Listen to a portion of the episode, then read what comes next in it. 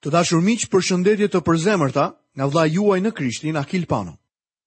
Ju uroj mirëseardhjen dhe në këtë emision të sotëm dhe ju kujtoj që jemi duke studiuar nga fjala e Perëndisë në kapitullin e 14 të Ungjillit sipas Gjonit. Tema që do të shqyrtojmë në këtë kapitull është Jezusi i cili ngushëllon dishepujt e tij. Kapitujt ndarës në Bibël janë të mrekullueshëm sepse na ndihmojnë të gjejmë rrugën tonë në Bibël. por disa herë ndarjet e kapitujve nuk janë me vend si në këtë rast. Ajo çfarë po thotë Zoti Jezus në fillim të kapitullit të 14 të Gjonit, është vazhdimi i asaj që po i thoshte Pjetrit në kapitullin e 13. Simon Pjetri sapo kishte deklaruar që do të jepte jetën e vet për Jezusin. Pastaj Zoti Jezus i tha atij se do ta mohonte tre herë përpara se të këndonte gjeli në mëngjes. Më vonë do të shohim se para se gjeli të këndonte, Simon Pjetri e mohoi Jezusin për tre herë me radhë. Zoti ynë duke i folur ende Pjetrit, na jep këtë kapitull për ta shpëtuar atë nga nata e mohimit dhe për ta kthyer në një marrëdhënie të drejtë me Perëndinë. Ky kapitull u dha për të ngushëlluar Pjetrin, ndërkohë që ka qenë edhe një mbështetje për shumë njerëz që nga ajo kohë dhe deri në ditët tona. Lexojmë nga kapitulli 14 i Ungjillit sipas Gjonit, vargun e parë. Zemra juaj mos u tronditë. Besoni në Perëndi dhe besoni edhe në mua. Në mbarë botën njerëzit pikërisht në këtë moment po kërkojnë ngushëllim. Ata kërkojnë paqe për zemrat e tyre. Vetëm Jezusi mund ta sjellë këtë lloj ngushëllimi. Ai thotë këtu se baza për atë ngushëllim është besoni në Perëndinë dhe besoni edhe në mua. Në greqisht kjo mund të jetë në mënyrën urdhërore.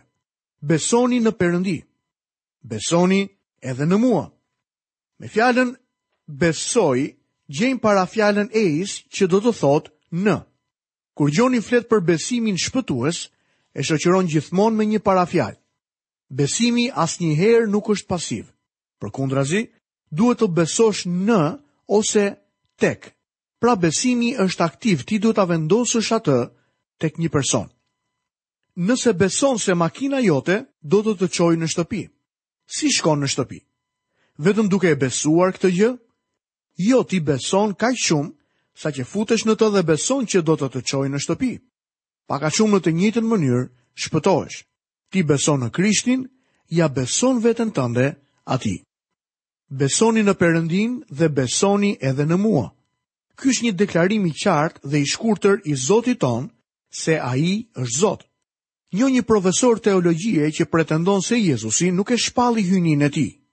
Do të më pëlqente ta dija se çfarë po thoshte Jezusi këtu, nëse ai nuk po e barazon veten me Perëndin.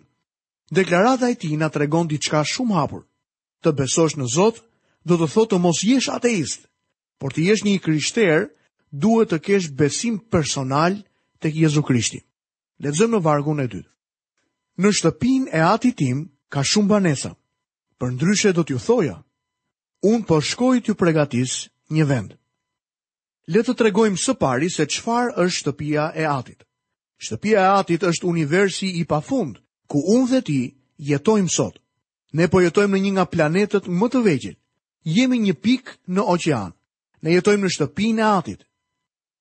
Zoti James Jeans e quajti atë universi i zgjeruar. Në fillim njerëzit mendonin për yjet si për disa drita elektrike të vidhosura në majë të universit. Më vonë filluan të eksplorojnë dhe gjetën se ne ndodhemi në një sistem diellor. Në fakt, në një planet të vogël që rrotullohet rreth diellit dhe se ekzistojnë edhe disa planetë të tjerë që rrotullohen rreth diellit bashkë me ne. Ne së bashku me sistemet e tjera diellore, ndodhemi në një sistem galaktik. Kur ngrini kokën lart dhe shikoni rrugën e Qumështit, shihni një anë tjetër të sistemit tonë galaktik. Sistemi ynë galaktik është vetëm një. Nëse do të lëviznim larg galaktikës sonë, do të gjenim sisteme të tjera galaktikash që na bëjnë të kuptojmë se ne jemi vetëm një pikë në hapësirë. Kemi dëgjuar se fqinji ynë më i afërt është Andromeda që ndodhet rreth 2 milion vjet dritë larg nga ne.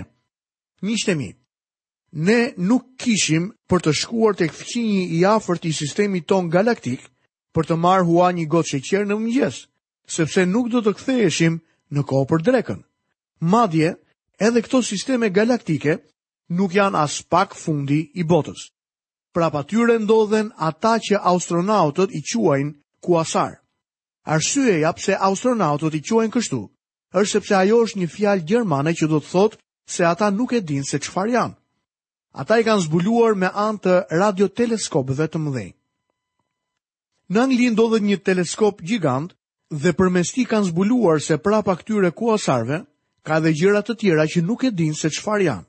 Kështu që britanikët i kanë quajtur me termin shkencor blobs. Ne thjesht nuk e dimë se sa i pafund është ky univers. Mund të jetë një univers i pafund. Nëse ekziston një univers i pafund, atëherë duhet të ekzistojë edhe një perëndi i pafund. Ndoshta Zoti nuk na ka lënë të pikturojmë veten tonë në një cep, kështu që të njohim se ai është atje mbas gjithçkaje. Zoti ynë tha, në shtëpinë e atit tim ka shumë banesa. Mendoj se ai duhet të ketë buzëqeshur kur e ka thënë këtë. Ai i bëri ato me duart e tij dhe sigurisht që e di me saktësi se sa ka. Ne nuk e dimë dhe ndoshta nuk do ta dimë kurrë. Nuk mendoj se Zoti ka një hapësirë bosh diku në këtë univers të pafund. Nuk mendoj se jetojnë qenie të tjera njerëzore në planete të tjerë. Ne jemi në rebelim ndaj Zotit. Gjithsesi, mendoj se ky univers i pafund është i mbushur me intelekte të krijuara që vëzhgojnë këtë tokë të vogël.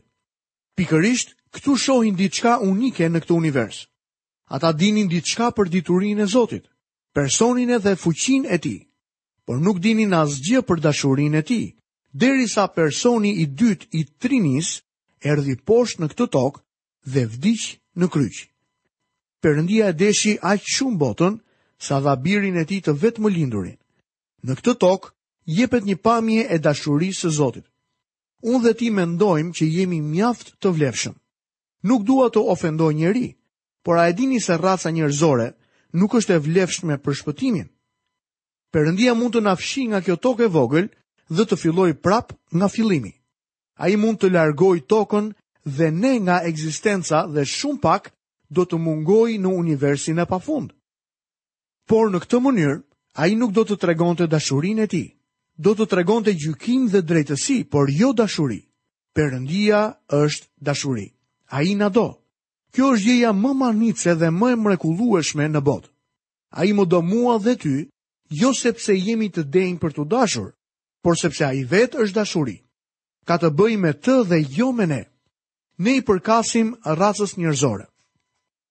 Nëse e mohon këtë, atëherë hidh një sy rreth e rrotull vetes.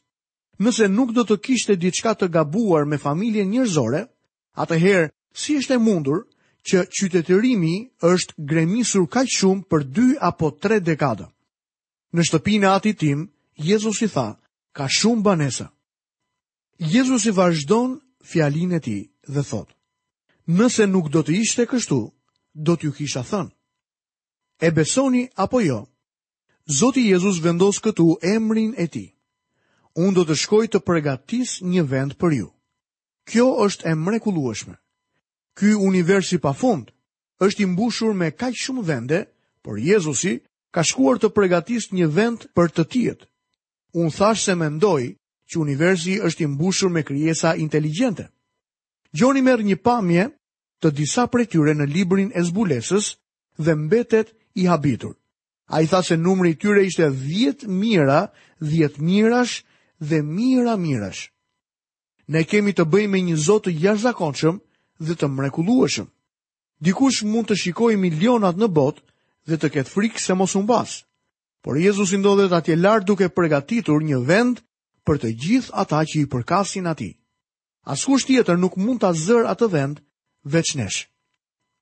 Disa vite më parë, një fqinji im ishte një nga njerëzit që punonin për pasqyrën e teleskopit 508 cm në Palomar. Kur mbaruan punën, ai u pyet nga një shoku i tij se çfarë ata shikonin përmes këtij teleskopi. Ai u lodh nga pyetjet e vazhdueshme dhe donte të dinte se përse shoku i tij ishte kaq i interesuar. Shoku i tij i tha: Epo ju zotëroni një sy të madh që është fokusuar në dritaren e shtëpisë së atit tim. dhe do të doja të dija se çfarë po shikoni, sepse Jezusi po përgatit një vend për mua atje lart. Lexojmë nga vargu i 3 i kapitullit të 14 në Ungjillin e Gjonit. Dhe kur të shkoj dhe t'ju përgatis vendin, do të kthehem dhe do t'ju marr pranë meje, që atje ku jam unë, të jeni edhe ju. Kjo është hera e parë në Bibël ku Zoti përmend që do të marrë dikë nga kjo tokë për ta çuar në një vend që ai e ka përgatitur. Kjo nuk ishte shpresa e shenjtorëve të Testamentit të Vjetër.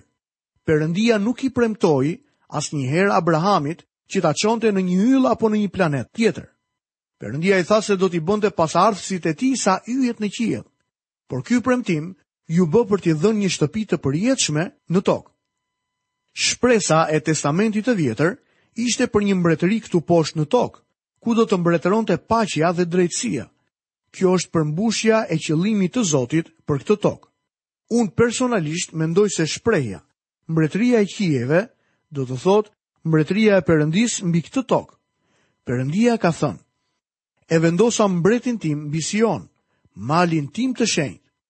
Ky është qëllimi tokësor i Zotit dhe ai po lëviz pa u shmangur, pa hezituar, pa bërë kompromis drejt asaj dite kur ai do ta vendosë birin e tij mbi fron këtu në tokë. Ajo do të jetë mbretëria e qiejve. Ky është qëllimi tokësor i Zotit dhe kjo është shpresa e Testamentit të Vjetër. Dishepujt u befasuan kur Jezusi u zbuloi se do të merrte disa njerëz, duke filluar me apostujt e tij, me vete në vendin që do të përgatiste për ta. Kjo është hera e parë, por jo e fundit që përmendet kjo gjë. Apostulli Pal flet për këtë duke na thënë tek letra e parë e Thesalonikasve, kapitulli 4, se vetë Zoti do të zbriste nga qielli me një britmë. Zëri i tij do të jetë si i një trumpete dhe si tingulli i një kryeëngjëlli. Ai do të vijë për të thirrur të vetët. Ata që kanë vdekur në Krishtin, do të ngrihen të parët, dhe ata besimtarë që janë ende gjallë, do të rrëmbehen për të takuar Zotin në ajër. Kështu që ne do të jemi me Zotin në vendin e përgatitur për ne. Gjoni tek zbulesa, kapitulli i 21, na tregon se qyteti i Jeruzalemit të ri do të zbriste nga Zoti. Do të ishte një qytet i ri, një koncept i ri në banesën qytetare dhe pikërisht aty do të jetonin besimtarët duke filluar që nga apostujt dhe në përjetësi. Lexojmë vargun e katërt. Ju e dini se ku po shkoj dhe e njihni edhe udhën. Zoti Jezus po u tregon këtyre njerëzve lartësitë, sepse e shihni që atje në dhomën e sipërme, hija e kryqit kishte rënë mespërmes dhe mëkati po trokiste tek dera e asaj dhome, duke kërkuar goditjen e mishit. Zoti ynë po përpiqej t'i çojë mendimet e tyre nga e tashmja tek e ardhmja, nga materialja tek shpirtërorja, nga tokësorja tek qiellorja. Jezusi u tregon dy gjëra. destinacionin, që është vendi ku do të shkojnë dhe rrugën si të shkojnë atje. Lexojmë vargun e pestë. Thomai i tha, Zot, ne nuk e dimë se ku po shkon, pra si mund ta njohim udhën. Në dhomën e sipërme, ndodhej i ulur edhe një apostull që ne e quajmë Thomai dyshues. Ai duket gjithmonë sikur ngre një pyetje apo dyshim. Ai ka një pikëpyetje në mendjen e tij dhe Zotit tonë iu desh një kohë e gjatë për ta kthyer atë pikëpyetje në një pikëçuditëse. Jam i gëzuar që ndodhej aty dhe që bën pyetje, sepse kjo ishte një pyetje me vend. Nëse do të kisha qenë unë atje, do të bëja të njëjtën pyetje.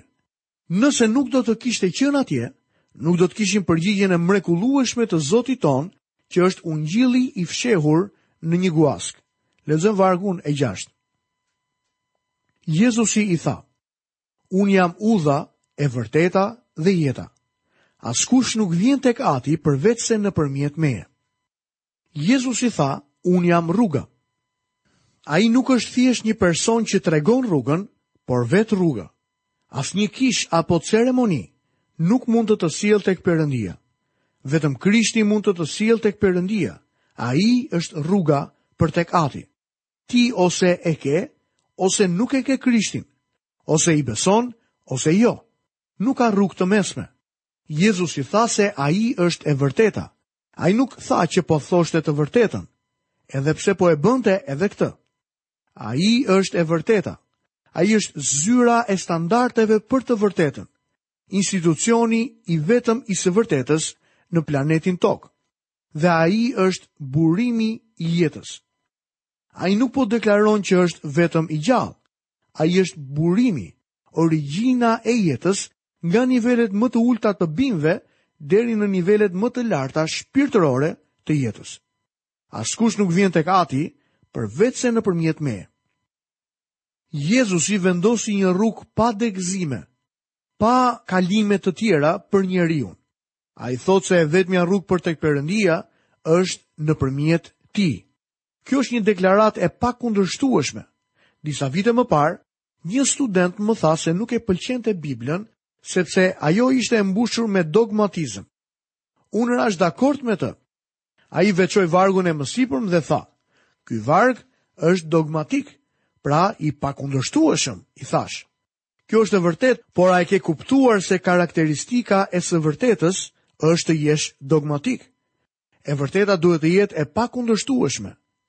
Kam pasur një mësuese që ishte personi më i pakundërshtueshëm dhe më i kufizuar që kam njohur ndonjëherë. Ajo këmbgulte se 2 plus 2 bëjnë 4. Nuk kishte rëndësi nëse ishin mollë, lopë apo para. Ajo këmbëngulte gjithmonë se 2 plus 2 bëjnë 4. Ajo ishte dogmatike. Kam zbuluar që banka me të cilën punoj operon me të njëjtin princip. Në rastin tim, 2 minus 2 bëjnë 0. Dhe ata janë të pakundërshtueshëm në këtë pikë. Miqtë e mi, më lejoni t'ju them se një nga karakteristikat e së vërtetës është pakundërshtueshmëria e saj. Tani jo i gjithë dogmatizmi është i vërtetë. Ka plot padituri që është dogmatike. Gjithsesi, ajo që është e vërtetë duhet të jetë e pakundërshtueshme.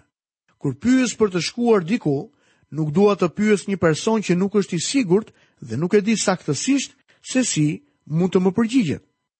Dua të orientohem nga dikush që e di saktësisht se ku duhet të kthehem dhe sa pallate duhet të kaloj.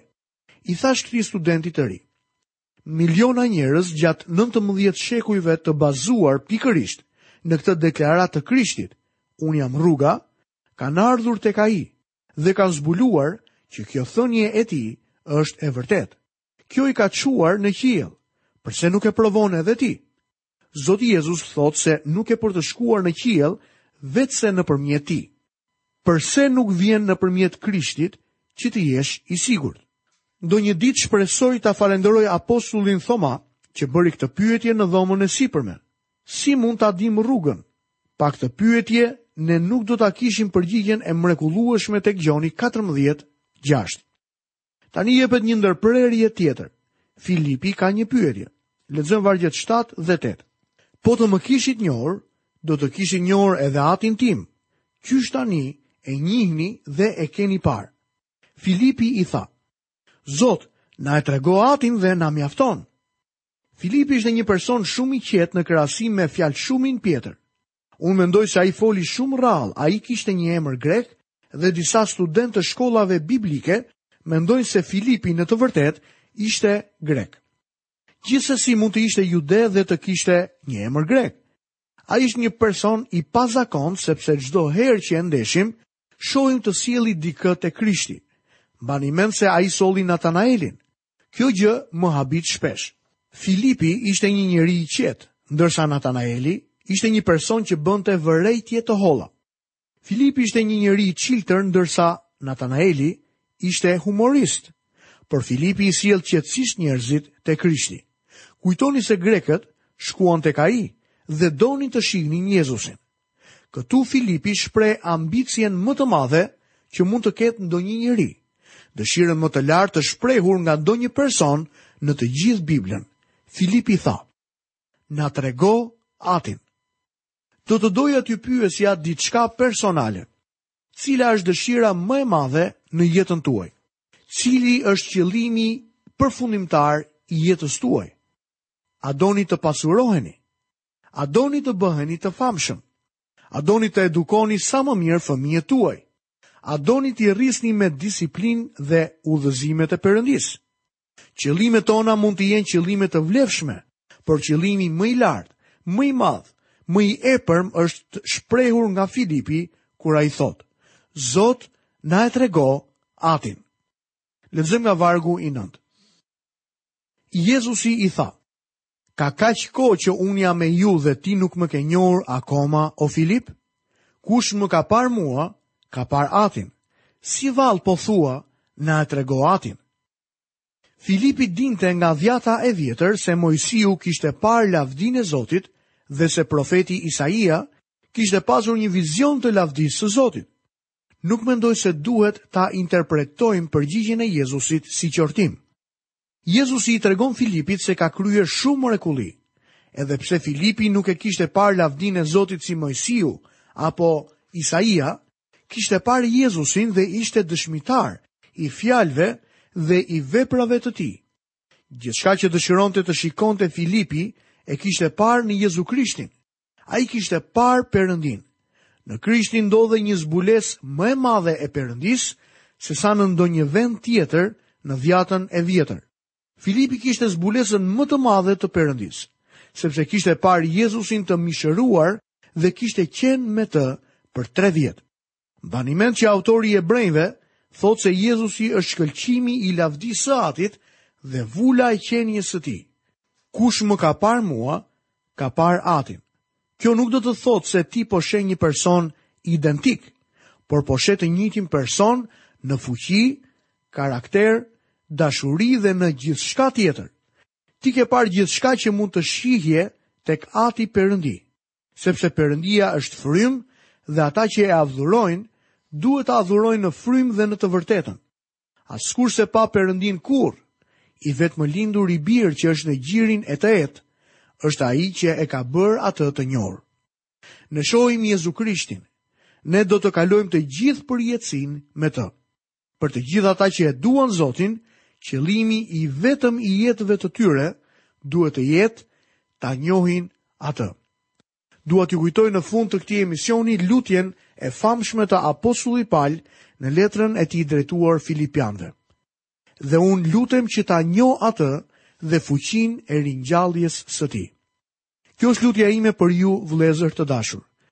që të mund ta njihni Perëndinë dhe të keni në jetën tuaj zbulesën e mrekullueshme të dashurisë së tij. Nga vëllai juaj në Krishtin Akil Pano, paçi të gjitha bekimet e Perëndisë dhe paqen e tij në jetën tuaj.